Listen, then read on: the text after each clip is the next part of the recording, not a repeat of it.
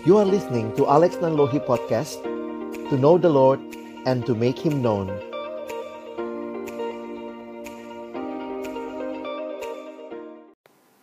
Mari kita berdoa sebelum kita membaca merenungkan firman Tuhan.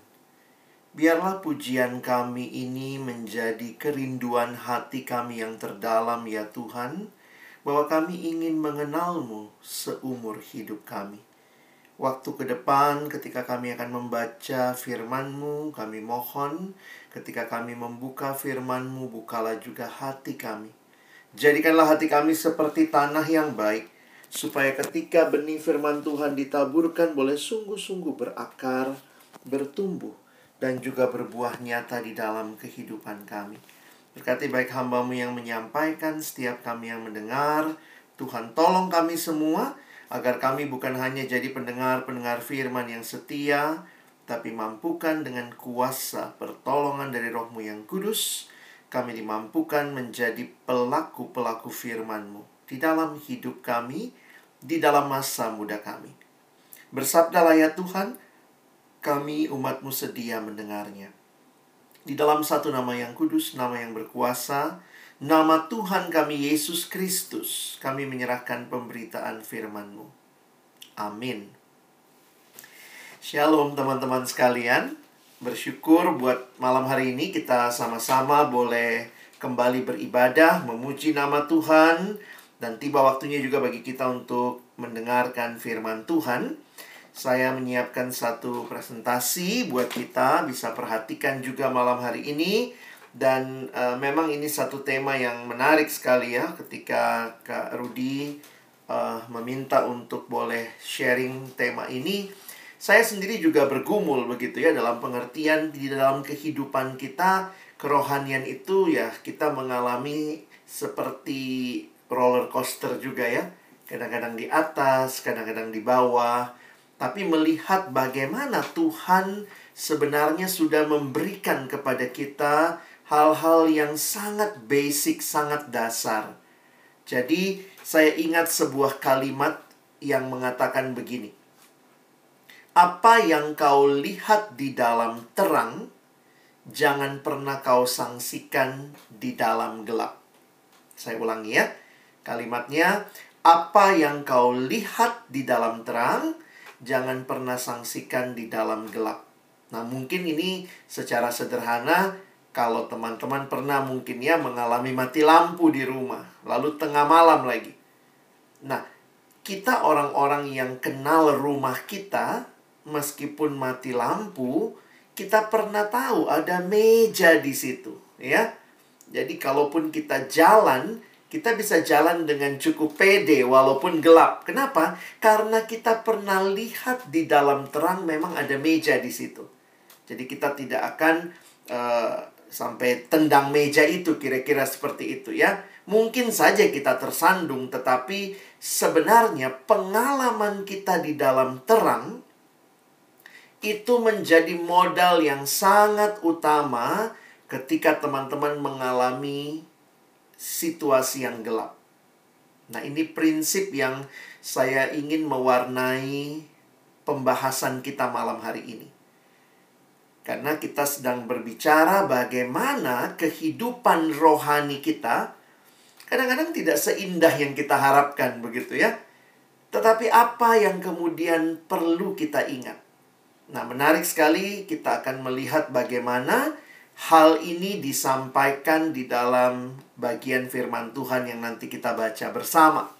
Saya mulai dulu dengan ya sekali lagi menyapa teman-teman selamat tahun baru walaupun sudah lewat 20 sekian hari tapi rata-rata pohon terangnya masih belum dibongkar ya. Jadi masih selamat tahun baru buat kita semua. Nah, saya ingin kita melihat bahwa kekristenan, saya mulai dengan kutipan ini ya. Kekristenan itu bukan sekadar agama. Christianity isn't a religion, It's a relationship with God through Jesus Christ. Jadi, kekristenan ini bukan sekadar sebuah aturan-aturan, ajaran-ajaran. Kekristenan bukan sekadar ritual agama, tetapi adalah relasi dengan Allah. Relasi yang hidup dengan Allah. Dan saya pikir inilah yang akan mewarnai juga perjalanan rohani kita. Nah, bagian firman Tuhan yang akan kita baca dan renungkan malam hari ini saya ambil dari Filipi pasal 3. Kenapa saya memilih kitab Filipi? Kita nanti akan baca beberapa ayat. Kita akan baca secara khusus pasal 3 nanti ayat 7 sampai nanti juga ayat 14. Tapi saya coba penggal ayatnya. Kenapa ini menjadi satu bagian yang penting? Teman-teman, surat Filipi ditulis Paulus dari dalam penjara. Sebenarnya menarik sekali. Ini surat yang dikirim Paulus dari dalam penjara itu situasi yang tidak mudah. Kita baru pandemi saja sudah uh, minta-minta ampun ya orang bilang ya. Sudah aduh lemes aduh mau saat teduh sopa malas kalaupun saat teduh kayaknya aduh ini apa sih? Gitu ya. Lalu kemudian HP di tangan tiap kali buka-buka medsos kadang-kadang dengar khotbah tapi juga kok nggak dapat apa-apa saya mau kita melihat Rasul Paulus ada dalam situasi yang sama tidak mudahnya, bahkan mungkin jauh lebih sulit dari kita. Tapi saya mau kita belajar apa sih yang jadi rahasianya? Karena yang menarik adalah di dalam kitab Filipi ini ada empat pasal. Bayangkan dalam empat pasal itu terdapat 16 kali kata sukacita atau bersukacitalah. Nanti hitung sendiri ya. Jadi kalau kita tidak tahu latar belakangnya bahwa ini surat ditulis dari penjara, pasti kita pikir, wih, Paulus ini lagi happy-happy, mungkin baru menang lotre, ya, baru menang undian, atau mungkin proyeknya lancar, tugas tugas kuliahnya terkumpul on time, ya. Itu bisa membuat bahagia. Tapi ternyata, teman-teman perhatikan, Paulus lagi dalam penjara dalam penjara itu kok bisa tulis sampai 16 kali kata sukacita di surat yang hanya 4 pasal dalam situasi yang tidak mudah. Jadi akhirnya saya melihat begini, kalau saya dalam situasi yang seperti pandemi sekarang, saya pun mungkin dalam situasi yang sulit, bagaimana saya bisa melihat apa yang jadi bagian yang penting dalam hidup Rasul Paulus yang bisa saya teladani? Dan ini yang kita malam hari ini mau mengatakan what is the missing piece? Bagian apa yang hilang? Dan nanti kita akan lihat sama-sama ya. Nah, ini kalimat Paulus, dia mulai saya ambil dari ayat 7 ya. Tetapi apa yang dahulu merupakan keuntungan bagiku, sekarang kuanggap rugi karena Kristus. Malahan segala sesuatu kuanggap rugi karena pengenalan akan Kristus Yesus Tuhanku lebih mulia daripada semuanya. Oleh karena dialah aku telah melepaskan semuanya itu dan menganggapnya sampah supaya aku memperoleh Kristus dan berada dalam dia bukan dengan kebenaranku sendiri karena mentaati hukum Taurat, melainkan dengan kebenaran karena kepercayaan kepada Kristus yaitu kebenaran yang Allah anugerahkan berdasarkan kepercayaan. Saya ingin teman-teman melihat ketika Paulus dalam situasi hidup yang sulit, dia mengingat dua hal. Nanti kita lihat ya. Yang pertama, sifatnya lebih konseptual. Jadi Paulus mengingatkan dirinya dan dia sharingkan itu kepada jemaat Filipi apa yang dia pahami tentang kehidupannya di dalam Tuhan. Nanti yang kedua, baru kita lihat hal-hal yang lebih praktis, praktikal. Dan bagi saya ini penting ya. Kadang-kadang dalam situasi yang sulit, kita biasanya cari cara-cara untuk tidak bosan. Nah, itu biasanya kita kecenderungannya seperti itu ya. Aduh, lagi begini, bagaimana ya supaya nggak bosan? Lalu kita cari cara. Jadi banyak kali kita hanya bermain di practical things tapi Paulus mengingatkan dirinya dan jemaat terlebih-lebih tentang hal yang mendasar. Perhatikan ayat 7. Tetapi apa yang dahulu merupakan keuntungan bagiku. Nah, apa sih yang dahulu jadi keuntungan bagi Paulus? Nah, kita mesti baca ayat sebelumnya ya, karena itu ayat 7 dimulai dengan kata tetapi. Jadi kita mesti tahu dulu sebelum ayat 7 ada ayat berapa saja. Nah, saya potong dari ayat 4 ya. 4 5 dan 6. Perhatikan, Paulus berkata, sekalipun aku juga ada alasan untuk menaruh percaya pada hal-hal lahiriah, jika ada orang lain menyangka dapat menaruh percaya pada hal-hal lahiriah, aku lebih lagi. Disunat pada hari ke-8. Nah, ini kalimat-kalimat Paulus ini jadi menarik ya. Disunat pada hari ke-8 membuktikan bahwa Paulus ada dari keluarga yang keluarga yang taat pada hukum Taurat. Kan nggak ada ya, anak umur 8 hari datang sendiri tolong sunatin dong ya. Berarti kan orang tuanya yang bawa. Berarti Paulus lagi mau bilang, keluargaku, keluarga yang taat hukum Taurat. Lalu kemudian dia menjelaskan dari bangsa Israel. Kayaknya papa mamanya orang Israel ya. Dari suku Benyamin. Wow, ini suku Benyamin sebenarnya menarik juga. Salah satu dari aliansi suku yang ada di kerajaan selatan. Dan raja pertama orang Yahudi, eh, orang Israel itu adalah Raja Saul dari suku Benyamin. Menarik ya? Jangan lupa, siapa namanya Paulus sebelum berubah jadi Paulus? Saul ya, Saulus ya. Jadi memang itu DPO Papenama turun temurun semua pakai DPO Papenama begitu ya. Dari suku Benyamin, orang Ibrani asli meskipun Paulus besarnya di Tarsus, tetapi nampaknya dia tetap bisa berbahasa Ibrani. Tentang pendirian terhadap hukum Taurat aku orang Farisi. Tentang kegiatan aku penganiaya jemaat, tentang kebenaran dalam mentaati hukum Taurat aku tidak bercelah. Jadi ini kalau kita lakukan fit and proper test, Paulus ini kalau dari latar belakang bibit bebet bobot so paling top dia. Ya. Tapi ini dia katakan yang dahulu merupakan keuntungan. Jadi ini hal-hal yang merupakan keuntungan, latar belakang yang baik, Nah, mungkin kita juga bisa bangga ya, oh, latar belakang, status sosial, ekonomi, bahkan hidup keagamaan. Nampaknya Paulus punya pemahaman yang baik, pengetahuan yang baik, bahkan dia punya pengalaman. Tetapi, kalau dia bilang apa yang dahulu merupakan keuntungan, berarti tetap ada missing piece yang bagi Paulus dia belum cukup. Bahkan ketika punya semua itu, itu dulu keuntungan, tapi ada yang lebih. Sebenarnya judul ini terinspirasi kata Karudi waktu lihat video itu ya, ada video orang kaya sekali lalu ditanya ya, apa sih yang paling penting buat hidupmu begitu ya? Lalu kemudian dia bilang ya semua dia punya tapi ternyata yang memberikan kepuasan sejati itu karena ada Yesus di hidupnya. Saya pikir itu bukan sekadar kesaksian. Oh, kalau kesaksian mesti bicara manis-manis begitu ya. Bukan. Tetapi itu sebuah kenyataan kebenaran yang secara doktrinal, secara pemahaman perlu kita yakini kembali. Sebelum teman-teman melangkah lebih jauh, berbicara tentang menyegarkan hidup rohani kita, sadari kebenaran ini. Bahwa Jesus is the one and only. He is the Savior, He is our Lord, dan Dia harus ada di pusat hidup kita.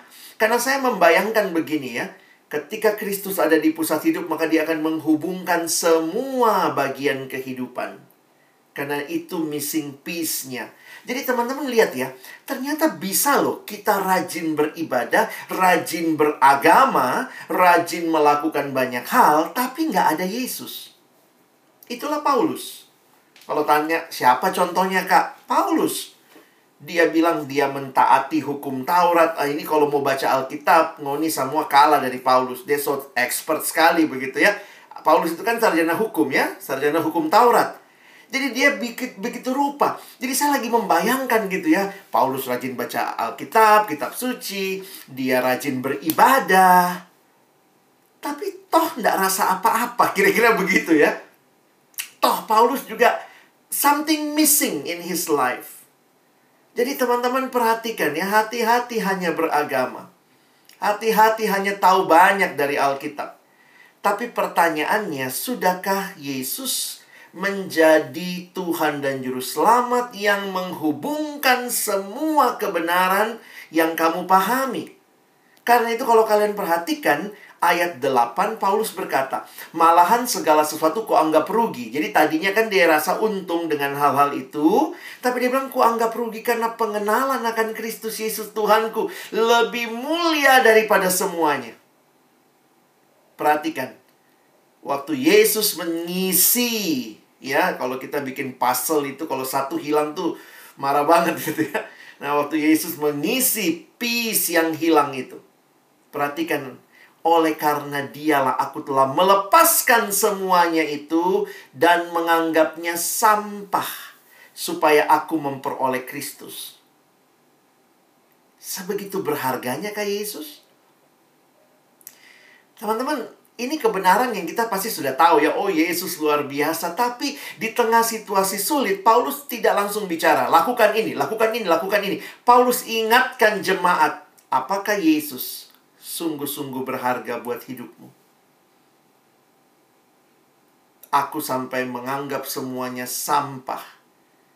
Teman-teman, ini kata sampah di sini sebenarnya bahasa aslinya itu dipakai kata bahasa Yunani skubala, ya, bukan skubidu ya, skubala. Skubala itu artinya sebenarnya maaf ya, itu sampah sisa pencernaan. DP bahasa hari-hari maaf, tai. Ya ampun, waktu lihat, ih ada tai. Paulus bilang apa? Pengenalan dia akan Kristus membuat dia menganggap semua yang lainnya itu hanya sampah. Hanya tai.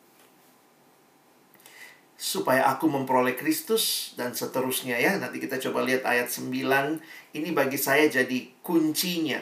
Bagaimana dia mengerti the missing piece-nya itu Teman-teman hati-hati kalau hidup kita tanpa Yesus. Meskipun kamu kelihatannya semua dilakukan, rajin ke gereja, tapi kalau tidak ada Yesus di hidupmu, hati-hati. Jangan-jangan yang kita sedang banggakan itu cuma tai. Maaf. Banyak mahasiswa, banyak alumni hidup membanggakan tai, bukan Kristus. Lalu di mana posisi Yesus? Kenapa dia bisa mengisi semuanya itu? Perhatikan di dalam ayat 9. Dan berada di dalam dia. Nah ini kata favoritnya Paulus. Dalam dia. Dalam Kristus. Bahasa Yunani menggunakan kata en Kristo. Di dalam dia. Di dalam Kristus. Di dalam Yesus. Paulus sangat banyak menggunakan istilah ini. Itu teologi Paulus yang dibahas oleh para ahli. Ada kurang lebih 164 kali Paulus dalam suratnya, 13 surat, memakai istilah di dalam Kristus. Nanti teman-teman pelajari surat-surat ya Rasul Yohanes juga sering kali menggunakan kata di dalam Kristus, di dalam dia. Apa yang terjadi di dalam dia? Perhatikan ayat 9 berada di dalam dia bukan dengan kebenaranku sendiri karena mentaati hukum Taurat, melainkan dengan kebenaran karena kepercayaan kepada Kristus, yaitu kebenaran yang Allah anugerahkan berdasarkan kepercayaan. Apa yang begitu penting buat Paulus sekarang adalah di dalam Kristus ini. Ya. Ini tadi ayatnya kalau kita baca dalam terjemahan BIS, Bahasa Indonesia Sehari-hari. Bukan saja hal-hal tersebut, tetapi malah segala sesuatu saya anggap sebagai hal-hal yang hanya merugikan saja. Yang saya miliki sekarang ini adalah lebih berharga, yaitu mengenal Kristus Yesus Tuhanku. Nah, perhatikan ini poinnya. Karena Kristus, maka saya sudah melepaskan segala-galanya. Saya menganggapnya, saya menganggap semuanya itu sebagai sampah supaya saya bisa mendapat Kristus. Lalu dan betul-betul bersatu dengan Dia. Nah, ini istilah di dalam Dia. Bahasa Indonesia sehari-hari menerjemahkan betul-betul bersatu dengan Dia. Hubungan yang baik dengan Allah tidak lagi saya usahakan sendiri dengan jalan taat kepada hukum agama. Sekarang saya mempunyai hubungan yang baik dengan Allah karena saya percaya kepada Kristus. Nah, ini terjemahan bahasa Indonesia sehari sangat lugas ya. Jadi, hubungan yang baik itu datang bukan dari Paulus, bukan. Datang dari Allah. Teman-teman bisa lihat itu? Datang dari Allah. Dan berdasarkan percaya kepada Yesus Kristus. Jadi Paulus mau bilang, saya ini selamat karena saya percaya pada Yesus. Bukan karena saya mengusahakan hukum agama. Jadi bagi Paulus posisi sangat penting. Ini generasi GPS. Semua online-online pakai GPS gitu ya.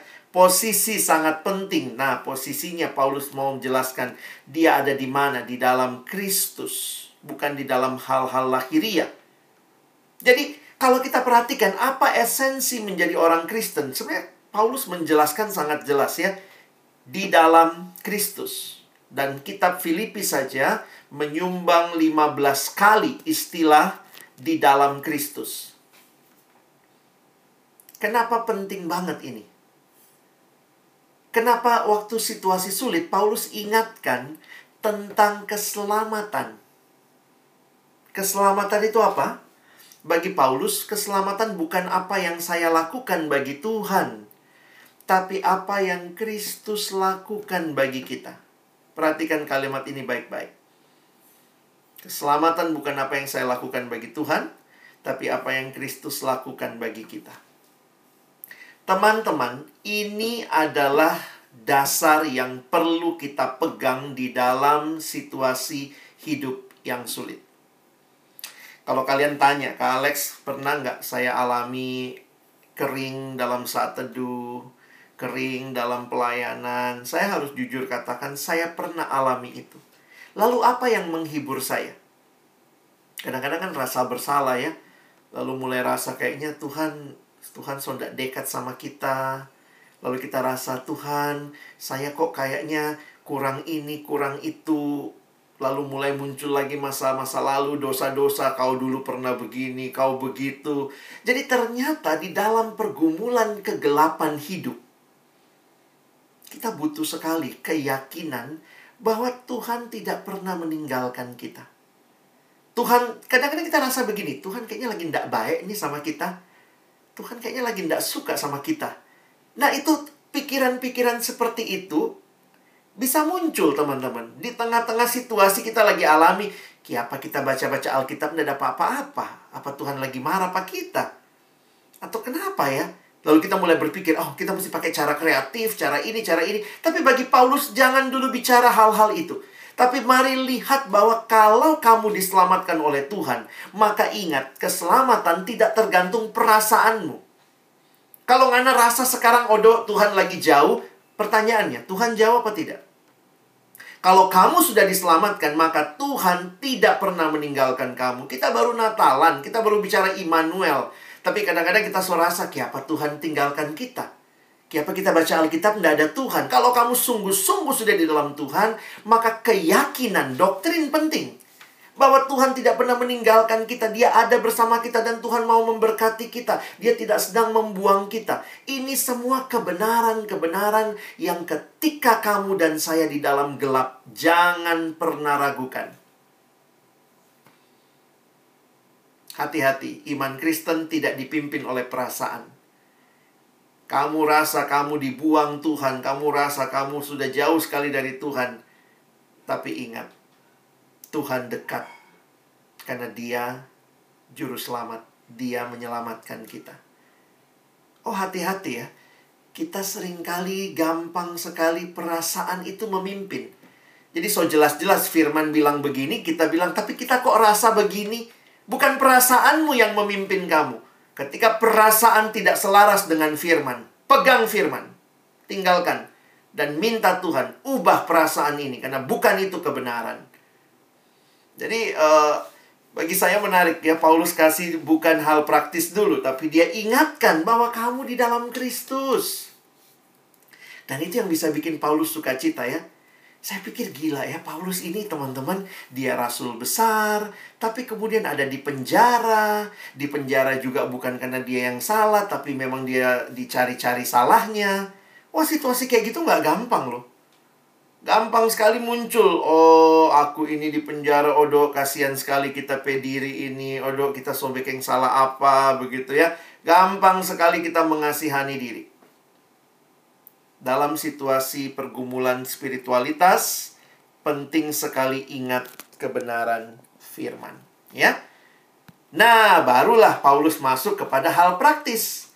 Hal praktis bukan berarti kalau Tuhan tetap dekat, Tuhan ber, tetap merangkul kita, lalu orang ya sudah jo diam-diam saja nanti biar tuh kebenaran datang pak kita gitu ya. Itu pasti Tuhan berikan, tapi Tuhan juga memberikan kesempatan kepada kita meraih itu.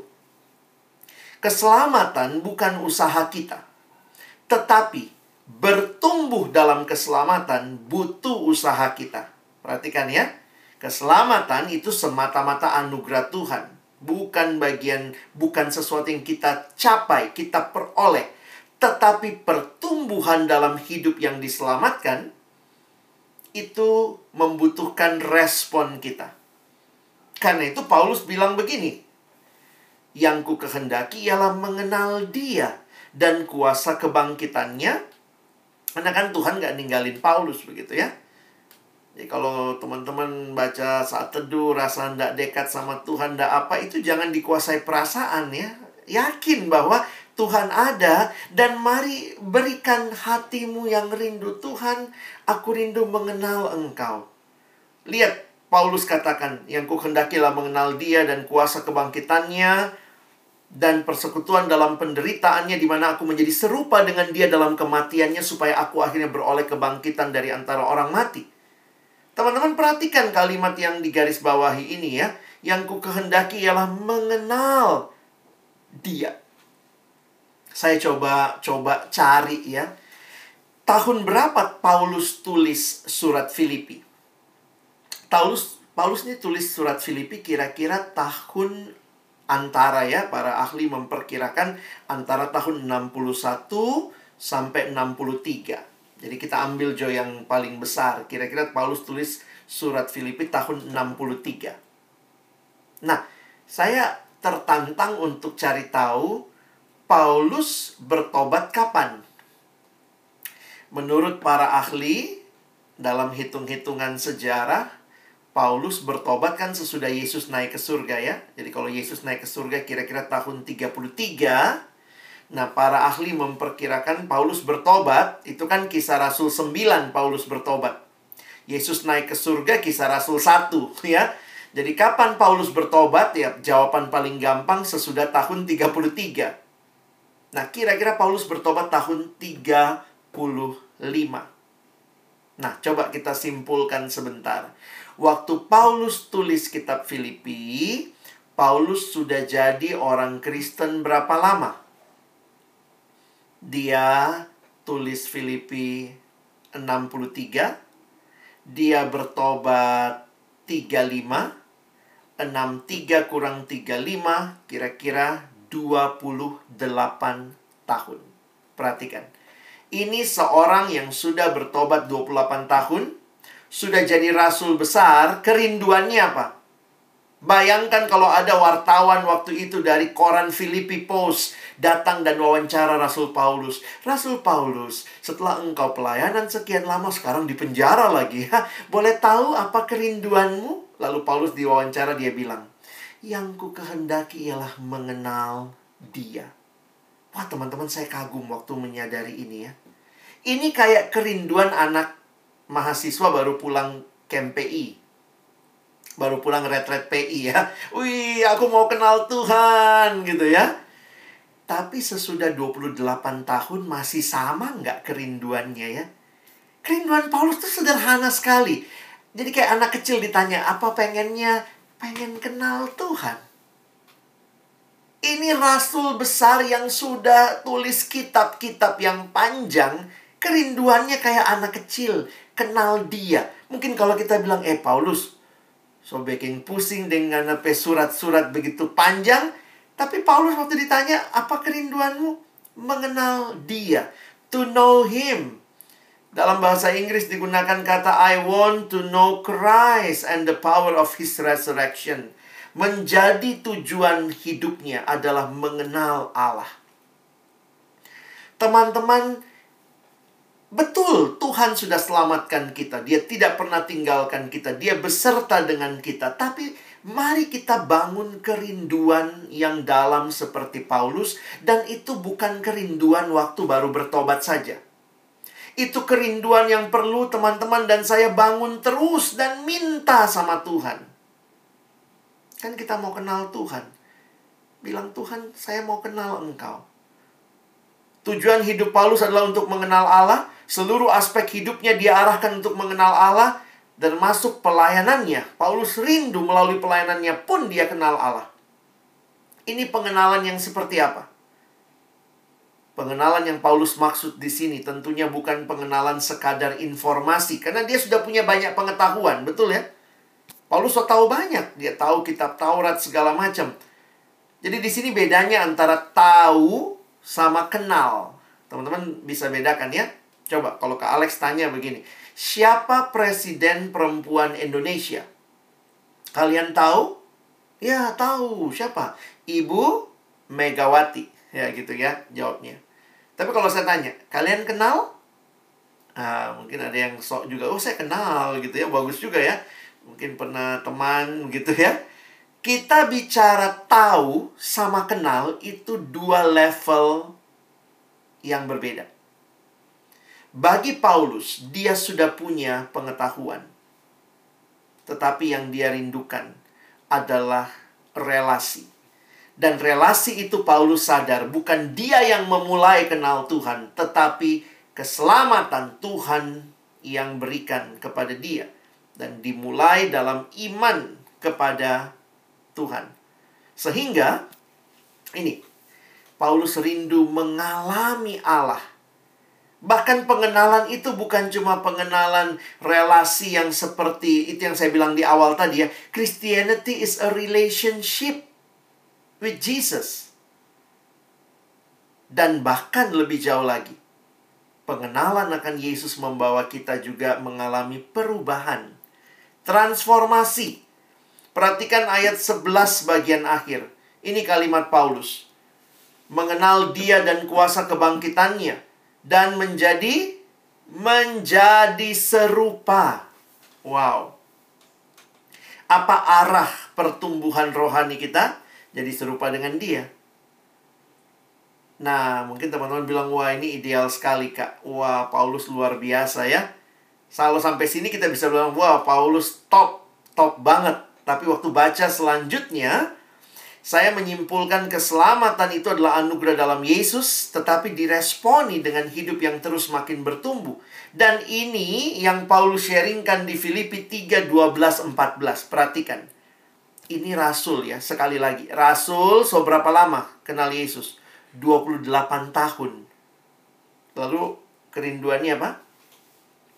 bukan seolah-olah aku telah memperoleh hal ini atau telah sempurna, melainkan aku mengejarnya.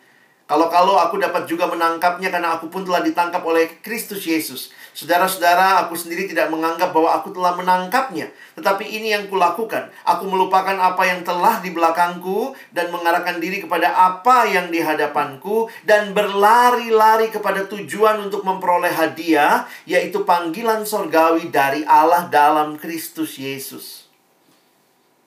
Wow, sekali lagi praktis sekali Paulus tidak bilang, oh saya sudah kenal Tuhan, so berhenti, sudah sekarang duduk-duduk, nah, tenang saja. Tidak. Kata mengejar, berlari, itu membuat saya menyadari pasti ada usaha. Ya, memang pertumbuhan itu proses seumur hidup. Tapi butuh perjuangan kita. Nah, jadi hari ini secara alkitabiah kita diperlengkapi dengan dua pendekatan Ketika engkau dalam pergumulan kerohanian, lagi lesu, lagi males, maka pertama ingat konsep kebenaran. Jangan dipimpin oleh perasaan, tapi biarlah engkau dipimpin oleh kebenaran. Kebenaran yang kau terima bahwa Kristus menyelamatkan setiap orang yang percaya kepada dia. Dan di dalamnya kamu tahu Tuhan tidak tinggalkan kamu, Tuhan dekat, Tuhan milikmu, engkau miliknya, dia akan memberkati kita, itu tidak berubah. Perasaanmu kayak apa pun tetap kamu milik Allah.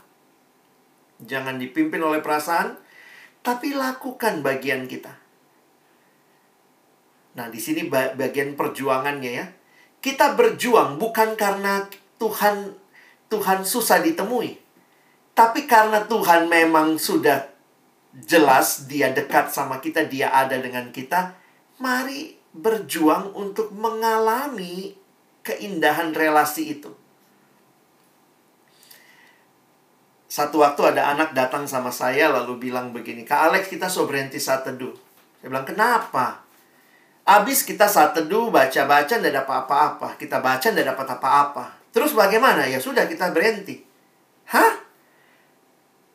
Saya bilang sama dia, kalau kamu baca saja nggak dapat apa-apa, apalagi berhenti. Lebih tidak dapat apa-apa. Jadi nasihat ke Alex bagaimana buat kita? Terus jo baca. Yakin Tuhan mengasihimu. Terus minta kerinduan itu dan terus Disiplin menolong engkau akan bisa melihat.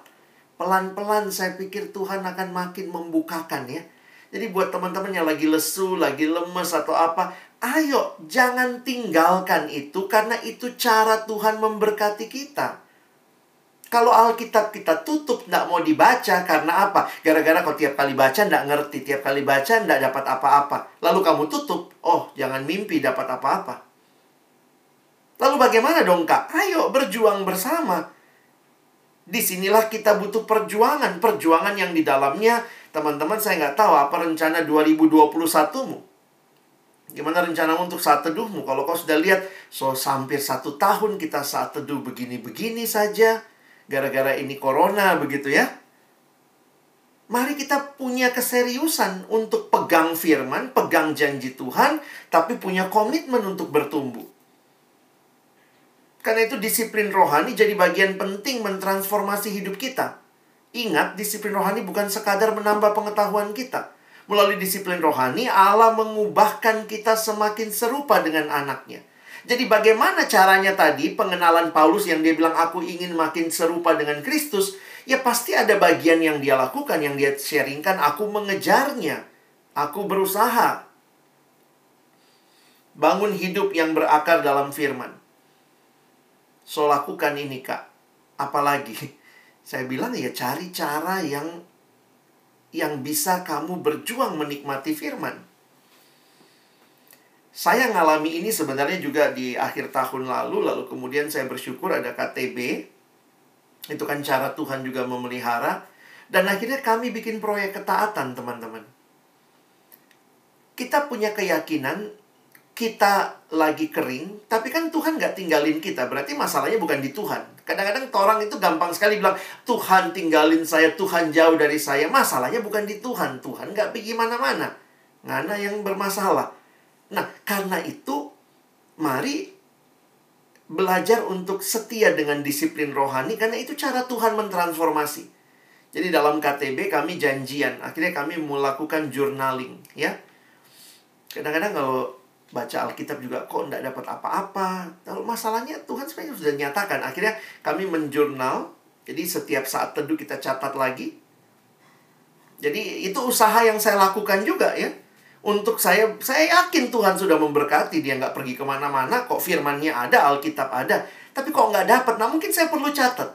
Waktu saya catat, nanti satu minggu satu kali saya lihat lagi seminggu ini apa sih yang saya catat Tuhan ajarin apa ya hari ini dapat berkat dari renungannya, dari ayatnya. Ada yang saya pikir lagi, saya tulis. Teman-teman kita mesti berjuang. Hidup rohani itu nggak datang sendirinya. Karena Tuhan sendiri sudah kasih sarananya dan Tuhan mau ayo. Entah kalau kamu rasanya gimana caranya baca lebih pelan. Mungkin juga, jadi ubahlah hal-hal yang harus kamu ubah untuk membuat kamu menikmati apa yang sudah Tuhan sediakan.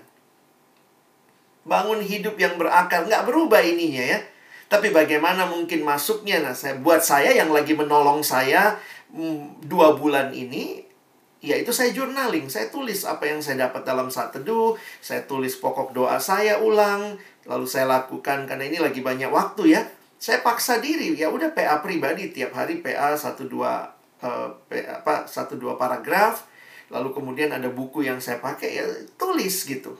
Saya bukan orang yang pasti langsung dapat kesegaran rohani. Saya berjuang karena saya tahu Tuhan sudah sediakan. Jadi kalau berjuang dan tahu Tuhan sediakan itu wah melegakan sekali teman-teman ya. Jadi kita punya perjuangan seperti itu. Bagaimana dengan doa ya? Doa juga mari perjuangkan. Makanya kalau saya saya lagi coba catat ya. Yang saya doain catat, lihat lagi oh Tuhan sudah jawab, oh Tuhan lagi ini saya lagi doain uh, seorang teman yang orang tuanya sakit berapa hari sekali dia update kondisi mama lagi begini dan seterusnya saya coba catat ada satu adik yang lagi bergumul dengan dia punya pergumulan dengan pacarnya lalu dia cerita ya udah saya catat juga gitu ya karena saya tahu oh ya tidak kebetulan Tuhan hadirkan dia sharing dan kemudian saya bisa doain dia hidup rohani adalah perjalanan dengan Tuhan Waktu engkau tidak merasakan Tuhan dekat, jangan berpikir Tuhan lagi pergi. Maka teruslah menikmati itu dengan cara-cara yang kita kita mesti menolong diri kita maksudnya ya. Bukan Tuhan yang mesti ditolong. Nggak usah panggil-panggil Tuhan, badekat. Tuhan mari badekat ya. Tapi mari kita yang melihat apa yang harusnya kita bisa lakukan untuk mengobarkan lagi cinta sama Tuhan, ketekunan kepada Tuhan, ya. Jadi ini masalah baca Alkitab. Yang kedua mungkin yang saya juga mau ingatkan uh, ini ya, komunitas. Teman-teman, kalau kamu lagi lesu-lesu seperti itu cari komunitas lah. Dalam arti gini, itu komunitas teman-teman yang Tuhan sediakan. Kadang-kadang sama-sama lesu ya. Ah, tapi sama-sama lesu tapi tetap mau kumpul, tetap mau PA, tetap mau baca Alkitab. Uh, di di masa pandemi ini saya berdoa teman-teman. Saya berdoa waktu itu minta KTB. Kenapa saya udah lama tidak KTB dengan uh, adik-adik gitu ya. Jadi akhirnya Tuhan kasih KTB-nya dengan beberapa teman staff dari beberapa daerah. Mereka yang inisiatif, Kak butuh nih KTB, ayo KTB. Ya udah kami mulai KTB. Kami pernah dalam satu KTB waktu orientasi, lalu kita KTB lagi. Sama-sama ngerasa aduh lagi kering nih, yuk KTB sama-sama gitu ya. Jadi jangan pernah menyerah.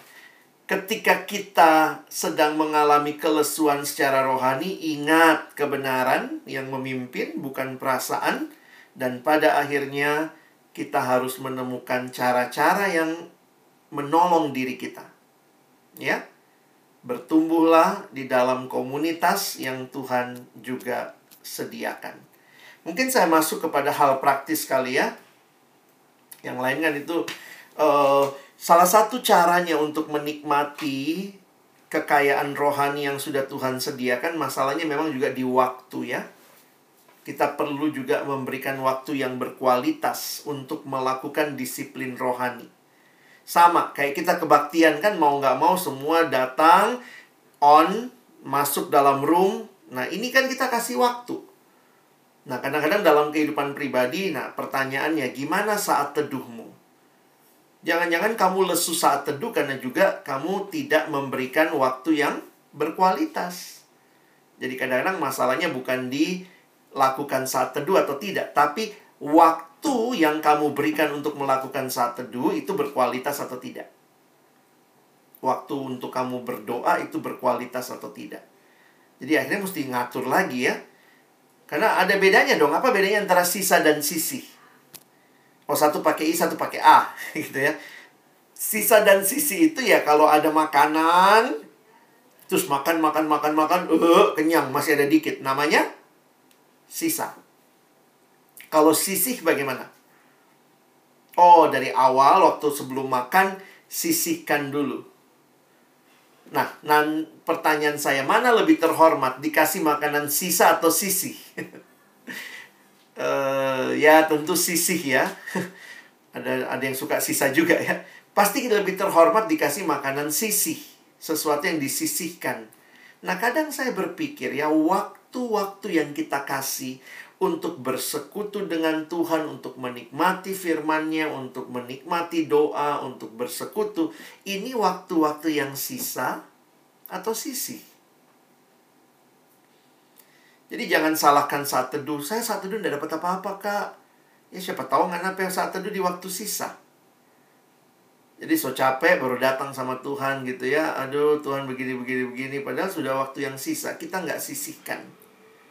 Jadi Kenapa ini penting? Karena untuk hal penting orang biasanya rela menyisihkan waktu, tenaga, uang.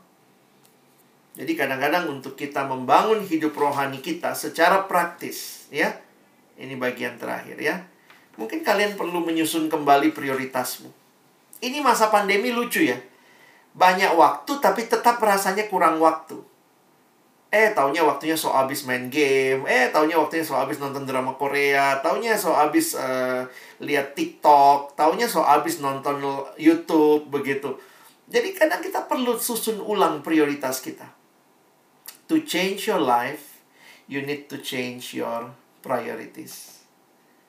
Teman-teman yang dikasihi Tuhan, kiranya firman Tuhan malam hari ini boleh menolong kita, ya membingkai ulang kerohanian kita. Khususnya di tahun yang baru, ini kebaktian awal tahun. Kita mau bagaimana nih? Kita mesti berstrategi. Paulus bilang, aku mengejarnya. Ya, aku berlari. Ya, itu usaha yang dia lakukan. Maka ketika nanti teman-teman ada kesempatan dalam kelompok, boleh share, boleh saling mendoakan. Apa kebenaran yang Tuhan ingatkan? Oh iya ya, Tuhan tidak jauh, dia tetap dekat, dia pun berjanji memberkati, firmannya dia sediakan, waktu berdoa Tuhan pasti dengar karena dia menyendengkan telinga untuk doa saya. Itu semua kebenaran yang harus teman-teman ingatkan lagi dirimu. Dan kemudian coba susun juga beberapa planning yang mungkin bisa kamu lakukan pribadi. Karena kamu yang paling tahu dirimu. Aduh, saya ini pemalas, Kak susah bangun pagi. Ya udah, kalau kamu mau menikmati persekutuan dengan Tuhan yang segar, ya mungkin kamu mesti style waker lah. Kamu yang paling tahu bagaimana mengatur. Atur ulang prioritasmu. Apakah saat teduh, jam doa, itu masuk dalam kalender prioritasmu. Saya berjuang dengan kerohanian saya karena saya rasa ini penting. Saya tidak saya tidak hanya hidup mencapai apa yang saya mau secara fisik, secara mental, tapi saya butuh kerohanian yang segar. Karena saya juga rindu dipakai Tuhan menjadi berkat buat orang lain. Nah, bagaimana dengan teman-teman? Ini perjuangan bukan cuma sendiri, Tuhan berikan komunitas, ada KTB, Tuhan berikan kakak-kakak rohani, teman-teman, kiranya kita jadi komunitas yang saling membangun dan bertumbuh. Kiranya Tuhan menolong kita untuk bukan hanya jadi pendengar firman tapi jadi pelaku firman. Amin. Mari kita berdoa. Tuhan terima kasih malam hari ini kami boleh kembali mendengar firman. Pengalaman Rasul Paulus dalam situasi penjara yang tidak mudah. Tetapi ada sukacita yang meluap. Ada kerinduan kenal Tuhan yang tidak berhenti bahkan setelah 28 tahun. Tuhan kami lihat ini kerohanian yang sangat segar. Kerohanian yang merindukan Tuhan terus. Bahkan berkata, dia berlari, dia mengejar karena belum ada satu orang pun yang mengenal Tuhan dengan sempurna di dunia ini. Kami sedang terus bertumbuh mengenal Tuhan. Terima kasih buat firmanmu, buat setiap kebenaran, wawasan yang malam ini kami terima. Dan biarlah waktu selanjutnya Tuhan tolong kami. Bukan hanya jadi pendengar, tapi bisa jadi pelaku firman, menerapkannya dalam kehidupan kami. Terima kasih karena Tuhan peduli dengan kami. Tuhan tidak meninggalkan kami. Bahkan ketika kerohanian kami kering, Tuhan juga berikan sesi seperti ini untuk kembali menyegarkan kami. Kami bersyukur berterima kasih dalam nama Yesus kami berdoa. Amin.